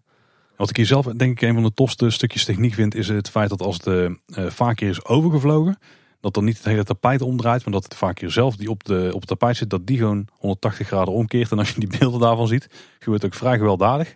ook vrij vlot nadat die uh, aankomt zeg maar in het stationnetje, om het zo maar even te noemen. Gewoon echt een geniale manier om, uh, om het heen en weer vliegen uit te beelden. Wat ook mooi vind, er is ook zo'n zo'n foto van Peter Reinders die, die aan het experimenteren is met een, een prototype hè, van die waterbassins en tulpjes erin. Dus je ziet dat hij in 1958 nog steeds vooral zelf bezig is met experimenteren en, uh, en knutselen. En het leuke is, ik vond ook ergens een, een citaat terug waaruit blijkt hoe dat hij nou op dat idee is gekomen voor het, uh, het zwevende tapijt. En het blijkt dat tijdens het maken van een uh, bruidsreportage op film voor een kennis, dan merkt Peter Reiners ineens op dat telefoondraden, die op dat moment natuurlijk nog als straatbeeld sieren, dat die eigenlijk niet te zien zijn dankzij de gemetselde voegen op de achtergrond van een, een gebouw wat zich daar op de achtergrond bevindt.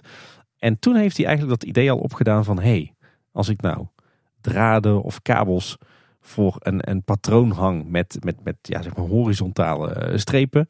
dan zie je die helemaal niet. En dat is natuurlijk een techniek die hij veel later heeft toegepast bij de Vliegende Vakier.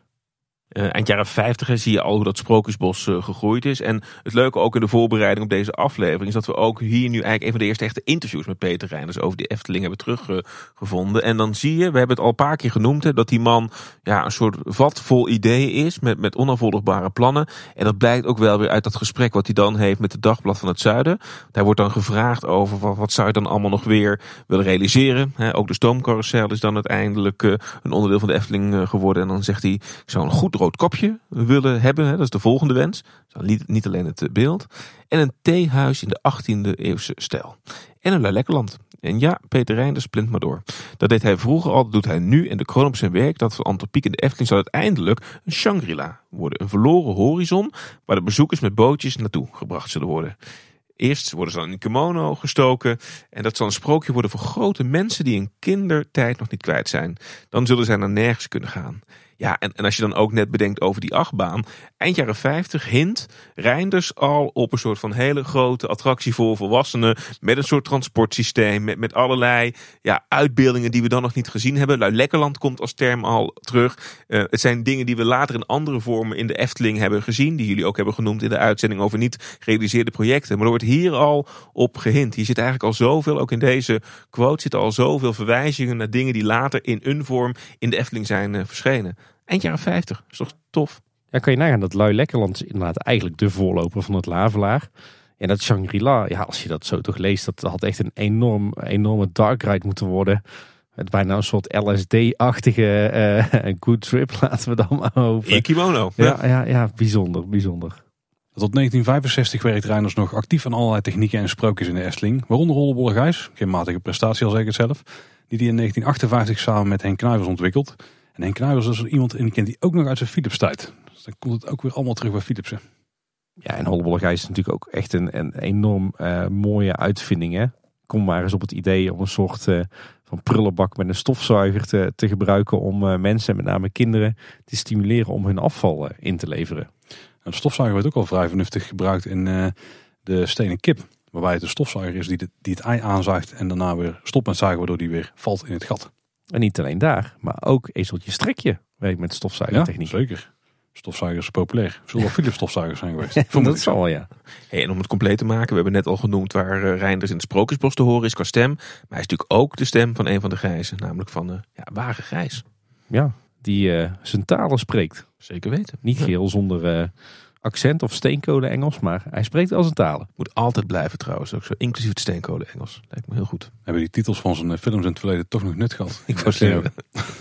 Overigens, als we het hebben over, uh, over Holleboy Gijs, daar moeten we een keer een, een, een, aflevering over maken, Paul. Ik schrijf het meteen op. Uh, maar het leuke is dat, dat het allereerste idee voor een soort van uh, Gijs was helemaal geen gijs. Maar dat was een, een bosvarken. Een bosvarken. Oké. Een bosvarken. Punt. Ik denk dat we met de gijzer er best goed vanaf zijn gekomen. ja. Overigens bedacht Piek ook enkele alternatieven, waaronder een kangeroe, een hond, een pelikaan, een slang en een olifant. Een kangeroe, dat was voor Walibi nog wel wat geweest. Ja. Ja, dan het laatste project van Reinders. En dat is toch echt wel uh, ja, een mooi project om mee te eindigen. Uh, de Indische waterlelies. Hè? En uh, ja, dit verhaal is beroemd. Het is toch prachtig. Dat hij had natuurlijk het uh, sprookje gelezen hè, van koningin Fabiola van uh, Vlaanderen. En ja, hij wilde dat graag als uitbeelding in het Sprookjesbos. Maar daar was wel toestemming voor nodig van Fabiola. En uh, hij krijgt uiteindelijk toestemming om op audiëntie te gaan, heet het dan. Hè? Dat is ja, echt wat we in Symbolica ook kunnen doen. om een kwartier te praten over zijn ideeën, hoe hij dat sprookje zou willen realiseren. En uiteindelijk loopt dat uit. En zit hij uiteindelijk twee uur lang op het paleis te spreken met Fabiola. Ja, over de uitbeelding die hij, eh, hij voor zich ziet.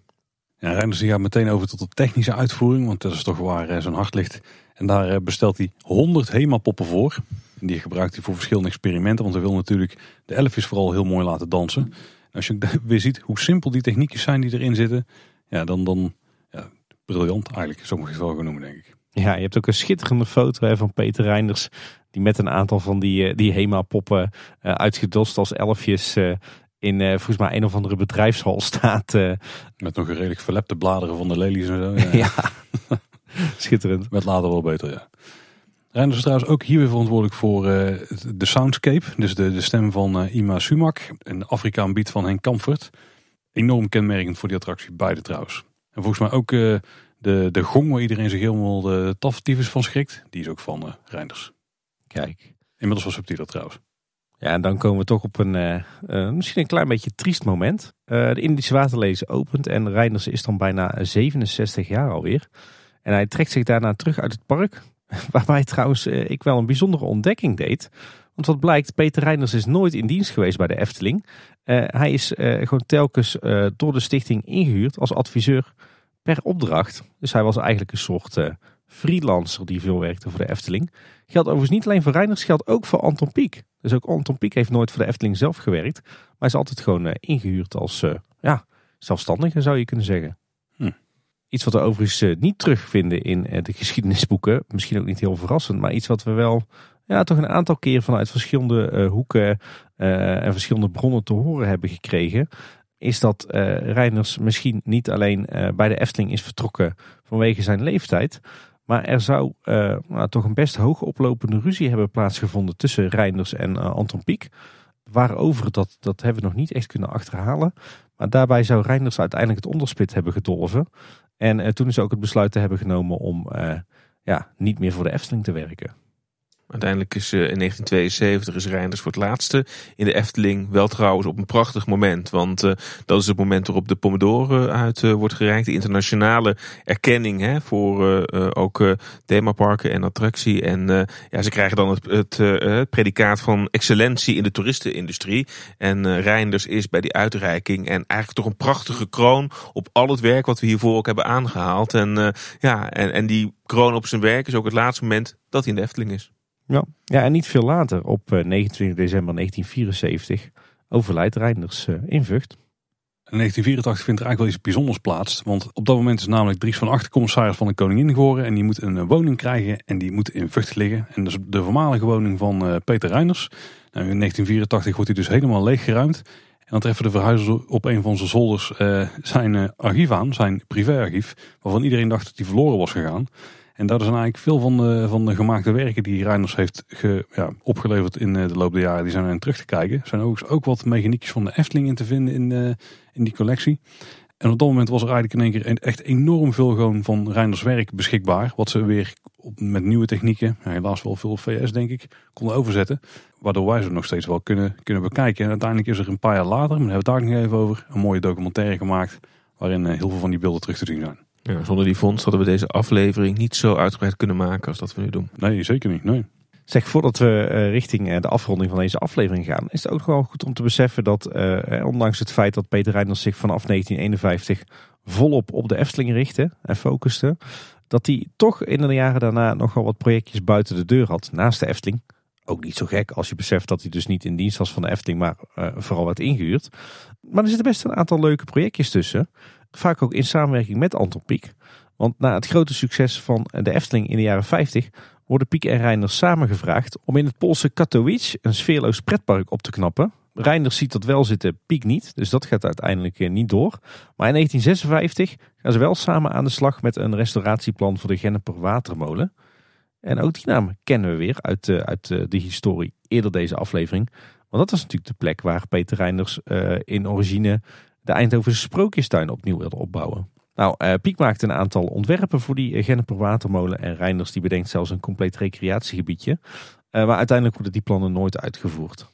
Die tekeningen zijn bewaard gebleven van die ontwerpen. Nou, ik weet niet wat jullie vinden, maar die zou je echt meteen wat mij betreft in de Efteling mogen bouwen. Oh, ja, schitterend, schitterend ontwerp is dat. Er is nog wat uitbreidingsruimte aan de oost- en de westkant van het park. Er is een Genneper watermolen, waarom niet? Precies. Nou, dat zal prima inpassen trouwens, hoor. toch? Ja, ook bij een uitrijkshuis zo'n gebouwtje ook al prima staan. met Zo'n watertje ervoor. Ja, en we hebben al heel wat watermolens in de Efteling. Dus daar kan deze mooi bij. Zeker. een van de andere projecten waar Piek heel erg bekend van is, is eh, het Autotron in Drunen. Maar ook daar was Peter Reinders bij betrokken vanaf 1965. Ik weet alleen niet precies in welke hoedanigheid. Peter Reinders een beetje kennende, eh, zou ik zeggen, als de man van het concept. Misschien de technisch adviseur. Oeh, misschien een stukje storytelling. Nou, dat is wel leuk. De Autotron is natuurlijk uiteindelijk uh, verhuisd naar Rosmalen en uh, een stille dood gestorven. Maar we kunnen nog steeds in dat Autotron in Drunen. Hè? Want uh, dat kennen we als de voorste Venne. Eigenlijk een enorm complex van gebouwen. Onder meer in gebruik als, als bibliotheek en cultureel centrum. En vast en zeker een aantal luisteraars niet helemaal vreemd. Want er hebben daar ook wat, wat evenementen plaatsgevonden recent met een Efteling stintje. Zoals de benefietdag van de Vijf Zintuigen. En zeer recent de première van de Fata Morgana docu van de Vijf Zintuigen.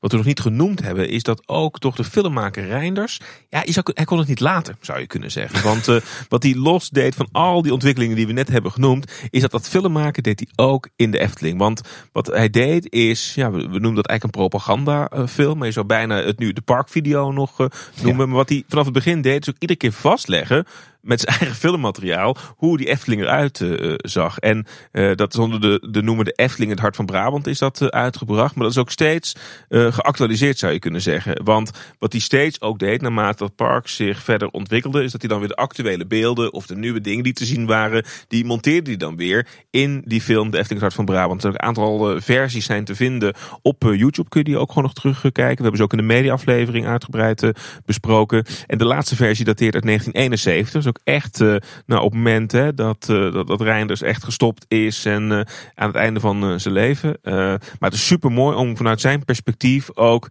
de, film, de, de, de, gefilmde kant van de Efteling te zien. Dus ga kijken. En dat werd ook later een inspiratiebron. je zou echt kunnen zeggen dat die film ook een soort van inspiratiebron is geweest van de parkvideo's die we later ook in Disney bij de Efteling zelf hebben gezien. En het heeft ons zeer waardevol archiefmateriaal opgeleverd. Nou, hele coole video's. Ja, daarmee zijn we eigenlijk met, uh, met reuzenpassen met zeven mijlslaarzen door het, uh, het werk en het leven van uh, Peter Reinders gesprongen. mocht je nou nog meer willen weten over Peter Reinders, dan is er gelukkig tegenwoordig best wel een aardig voorraadje van ja, lees- en kijkmateriaal waar je nog meer over Peter Reinders te weten kunt komen. Zo is er een biografie verschenen, hè? Peter Reinders, 1900-1974, door Rob Smit, waarin vooral ook uh, het leven voor de Efteling uitgebreid uh, beschreven staat. Er is een documentaire, 50 jaar sprookjes in de Efteling, we refereerden net al uh, aan. Waarin het vooral mooi is om zijn eigen dochters te horen over hoe die technische vondsten nu een plek hebben gekregen. En heel veel anekdotes waar we ook vandaag weer lekker uit hebben kunnen putten, die zijn in die uh, documentaire terug, terug te zien. Dus ga die vooral nog eens terugkijken als je geïnteresseerd bent geraakt in alles wat je vandaag gehoord hebt. Overigens een leuke anekdote daarin. even nog ter aanvulling op de vele anekdotes die we deze aflevering al hebben aangehaald. Is dat de eerste stem van de heks van Hans en Grietje werd ingesproken door een van zijn, zijn dochters, Patricia Reinders. Die op dat moment hoogzwanger was. Tja. We hadden net al aan dus dat de Efteling in het hart van Brabant, hè, dus de, de, de parkvideo door, van Reinders hand, dat die de moeite waard is om uh, te bekijken. Maar vooral interessant is denk ik de documentaire van film tot sprookje. Want Paul vertelde net al dat het archief van uh, Reinders gevonden is. En al die beelden van die films die we ook net allemaal genoemd hebben uit zijn begintijd, die zijn allemaal verwerkt in dat filmportret wat van hem gemaakt is. Dus het leuke is dat je daar niet alleen de beroemde Efteling beelden ziet. Die zijn wel veel al op YouTube terug te vinden. Maar ook hè, als je het meisje de pop willen kijken, of Parfum d'amour, of een van de, die titels, die zitten allemaal in die uh, film terug. De documentaire is niet uh, ergens online, maar is wel dus bij beeld en geluid te bekijken. en je kunt hem ook opvragen en digitaal daar bestellen. En als je echt fan bent van het werk en, en dat met eigen ogen wil zien, dan is dat echt wel de, moeite waard. Nu is Tesling aandeel van die video wel maar een minuutje of ja, 10 tot misschien 15 minuten van de totale drie kwartier. Maar dat stukje kun je dus wel vinden op uh, internet. Want die staat op YouTube. Dus die zullen ook even linken in de show notes. Maar de totaal is uiteindelijk wel de moeite om gewoon te kijken. Ook omdat je dan al door, hebt van hoe slim de mechaniekjes zijn. Waar hij, ja, zeg maar, waar een beetje die, die oorsprongen ligt van, van al die slimme dingen die hij gewoon met techniek kan. Want die zitten uiteindelijk allemaal in het, uh, het video- en fotografiewerk wat hij heeft gedaan. Dat is een beetje de oorsprong ervan. Rob Smit uh, maakt die documentaire. En het leuke is ook dat hij uh, bij het maken ervan heeft gezegd. Uh, eigenlijk refereerde hij ook aan het eerherstel van Reinders. Want hij zegt van joh, vaak wordt Anton Pieck toch als de belangrijkste schepper van de Efteling te zien. Maar de werkelijkheid is dat Reinders eigenlijk een veel groter aandeel had. En nou, die film laat dus vooral ook zien hoe al die mechanismes zijn werken krijgen. En het is het eerbetoon aan Rob Smit, aan Peter Reinders. En ook een mooie basis volgens mij van wat wij vandaag allemaal hebben kunnen uitdiepen over de rijke historie van Reinders oeuvre en carrière. Ja, Rob Smit is volgens mij eh, best wel fan, als ik het zo mag noemen, van Peter Reinders. Want hij heeft deze documentaire dus gemaakt. Maar hij heeft ook eerder dat, eh, die biografie over Peter Reinders geschreven. Precies, ja. En overigens tot slot, als je het hebt over informatiebronnen over Peter Reinders, dan mogen natuurlijk ook uh, de vrienden van Eftepedia niet, uh, niet onvernoemd laten. Hè? Want daar staat een, ja, een prachtig uitgewerkte nou, samenvatting van hetgeen we vandaag onder andere hebben verteld. Natuurlijk ook rijkelijk geïllustreerd weer. Dus heren en dames van Eftepedia, dank jullie wel voor al het werk wat jullie ook weer in dit lemma gestoken hebben. Dan nog even terugkijken naar het geheel, heren. Want volgens mij hebben we het net al meermaals aangehaald. En Rob Smit kon het ook heel mooi verwoorden. Maar Peter Reinders was gewoon enorm belangrijk in het ontstaan en het ontwikkelen van de Efteling door de jaren heen. Nou, sterk nog, ik denk dat we kunnen stellen dat de moderne Efteling zoals we die kennen zonder Peter Reinders er gewoon nooit was geweest. Misschien was het dan nooit verder gekomen dan, uh, ja, dan die speeltuin in het zoals het ooit was. Nee, hij heeft natuurlijk een enorm belangrijke rol gespeeld hè, op, op verschillende vlakken. Uh, sowieso het allereerste idee om een sprookjestuin of een sprookjesbos uh, naar de Efteling te halen, komt eigenlijk uit zijn koker. Hè. Hij heeft uh, uiteindelijk samen met de vrouw van Van der Heijden de burgemeester van der Heijden overtuigd om zich daar te gaan maken. Uh, maar al die techniek en beweging die in het Sprookjesbos van 1952 zat, is natuurlijk van zijn hand. En hij is degene geweest die heeft gezegd: we gaan Anton Pieck erbij halen. En ik ga daar mijn nek voor uitsteken om dat ook daadwerkelijk voor elkaar te krijgen. Want ja, Pieck was natuurlijk niet de makkelijkste. En in die zin staat hij natuurlijk ook wel echt aan de, aan de, de wieg van de typische Efteling-stijl, die natuurlijk door Anton Pieck is vormgegeven. Dus ik denk dat we het, het belang van Peter Reinders bij het, het ontstaan en zeker ook het vroege succes van de Efteling, dat we dat eh, absoluut niet mogen onderschatten. Ja, het mooie is volgens mij ook als je dan terugkijkt op zijn hele leven, dan is het ook eigenlijk prachtig om te zien hoe al zijn carrières en al zijn levens ook hebben geleid tot die Efteling. Ik heb echt het gevoel dat alles wat hij ook voor 1951 heeft gedaan, in zijn filmcarrière, in, in zijn eh, overtuiging om uit te vinden of, of anderen mee te nemen in zijn ideeën. De Efteling is eigenlijk de ultieme plek waarin alles wat hij kon of wat interessant vond samenkwam. En het is toch prachtig om, om te zien hoe mooi dat heeft uitgepakt. Dat wij daar tot vandaag de dag nog steeds van uh, kunnen genieten. Dus ik vind het echt, ja, ik, ik had zelf het idee van dat we toch een beetje eerherstel of een eerbetoon wat er misschien nog niet altijd is geweest. Dat we dat toch voor Peter Reinders hebben kunnen doen. Postuum. Ik denk dat als we nu terugkijken, en misschien ook een, een, realisatie die ik nu pas heb, is dat hetgene wat de Efteling je nu echt continu mee om oren slaat, is van we vertellen verhalen, we willen het verhaal vertellen en storytelling links en rechts. En dat is eigenlijk ook allemaal begonnen bij Peter Reiners. Het was een speeltuin met het theehuis, en laat het niet onderschatten. En door Peter Reiners is het dus ja, vermaakt door middel van storytelling waar je gewoon doorheen kan lopen, langs kan lopen, waar je gewoon in 3D naar kunt kijken. Gewoon fysieke sets. Dat komt door hem. En met attractieve waarden en ook al nadenken over wat een soort van attracties zouden kunnen zijn. Dat zit er allemaal al in.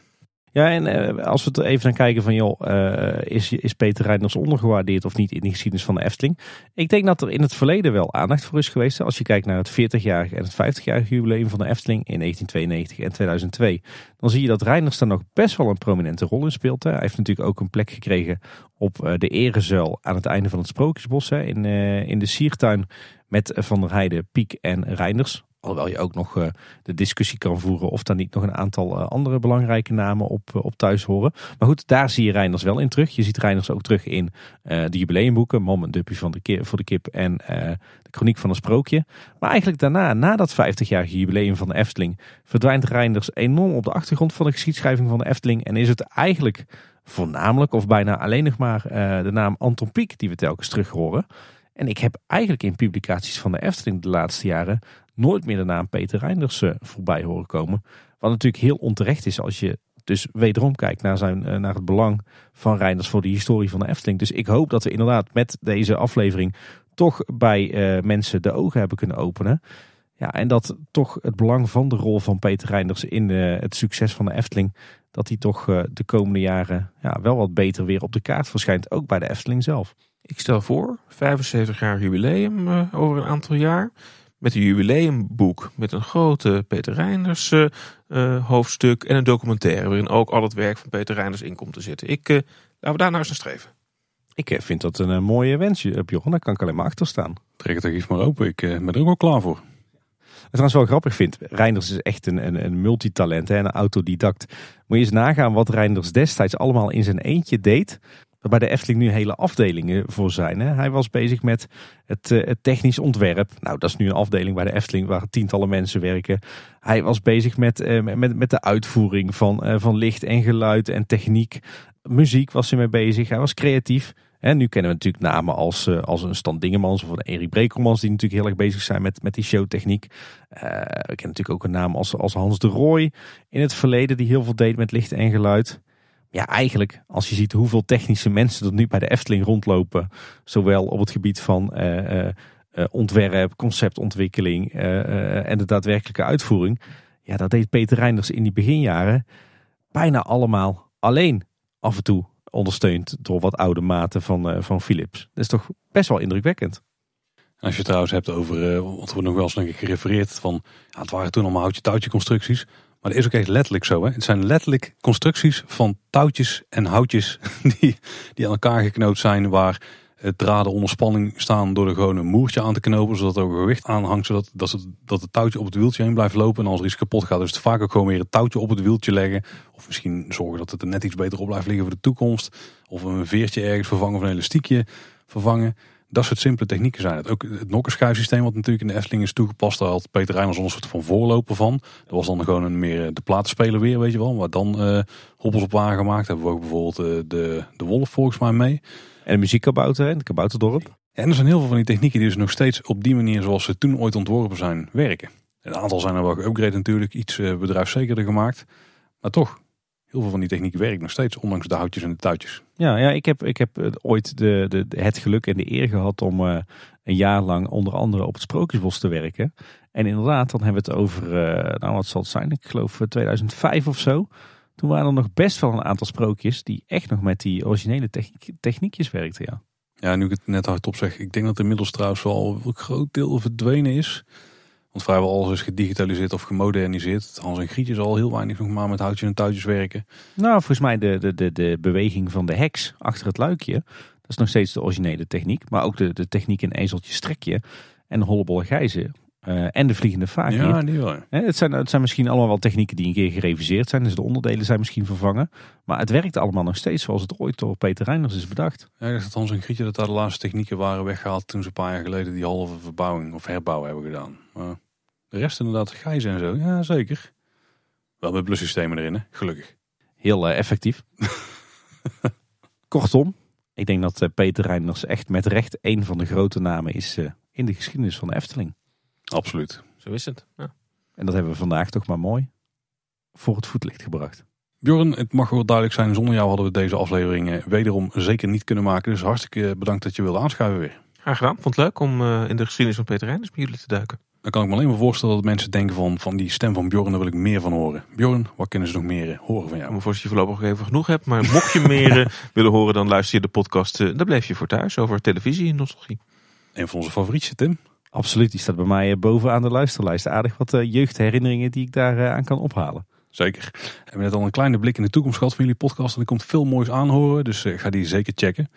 En dan bleef je voor thuis ook vast actief op social media. Precies, daar kun je ons uh, volgen gewoon op alle bekende platforms. Dat was een vrij retorische vraag, want dat wist ik uiteraard. Wil je een kleine boodschap nou volgen of heb je een vraag voor ons? Dan uh, ja, kun je het beste denk ik naar kleineboodschap.com slash volgen gaan. Daar vind je alle social media kanalen waar we te vinden zijn. Ben je dan toch al op de website, klik dan even op contact. Heb je het contactformuliertje daar staan. Maar wil je een mailtje sturen, dan mail je die naar info.kleineboodschap.com. Ja, en kleineboodschap.com is ook onze website. Daar vind je naast het contactformulier ook alle afleveringen met alle show notes en de relevante linkjes. En wil je ons nou luisteren, dan kan dat eh, ook op de website. Maar natuurlijk ook in je favoriete podcast app of op Spotify. En luister je ons daar nou, zorg dan dat je je in ieder geval abonneert. En kun je ergens een rating achterlaten zoals bij Spotify of Apple Podcast. Doe dat dan ook zeker. Dat helpt andere mensen weer om kleine boodschappen sneller te ontdekken. Nou Björn, nogmaals bedankt. Graag gedaan. En luisteraars, dat was weer voor deze week. Bedankt voor het luisteren. Tot de volgende keer. En houdoe.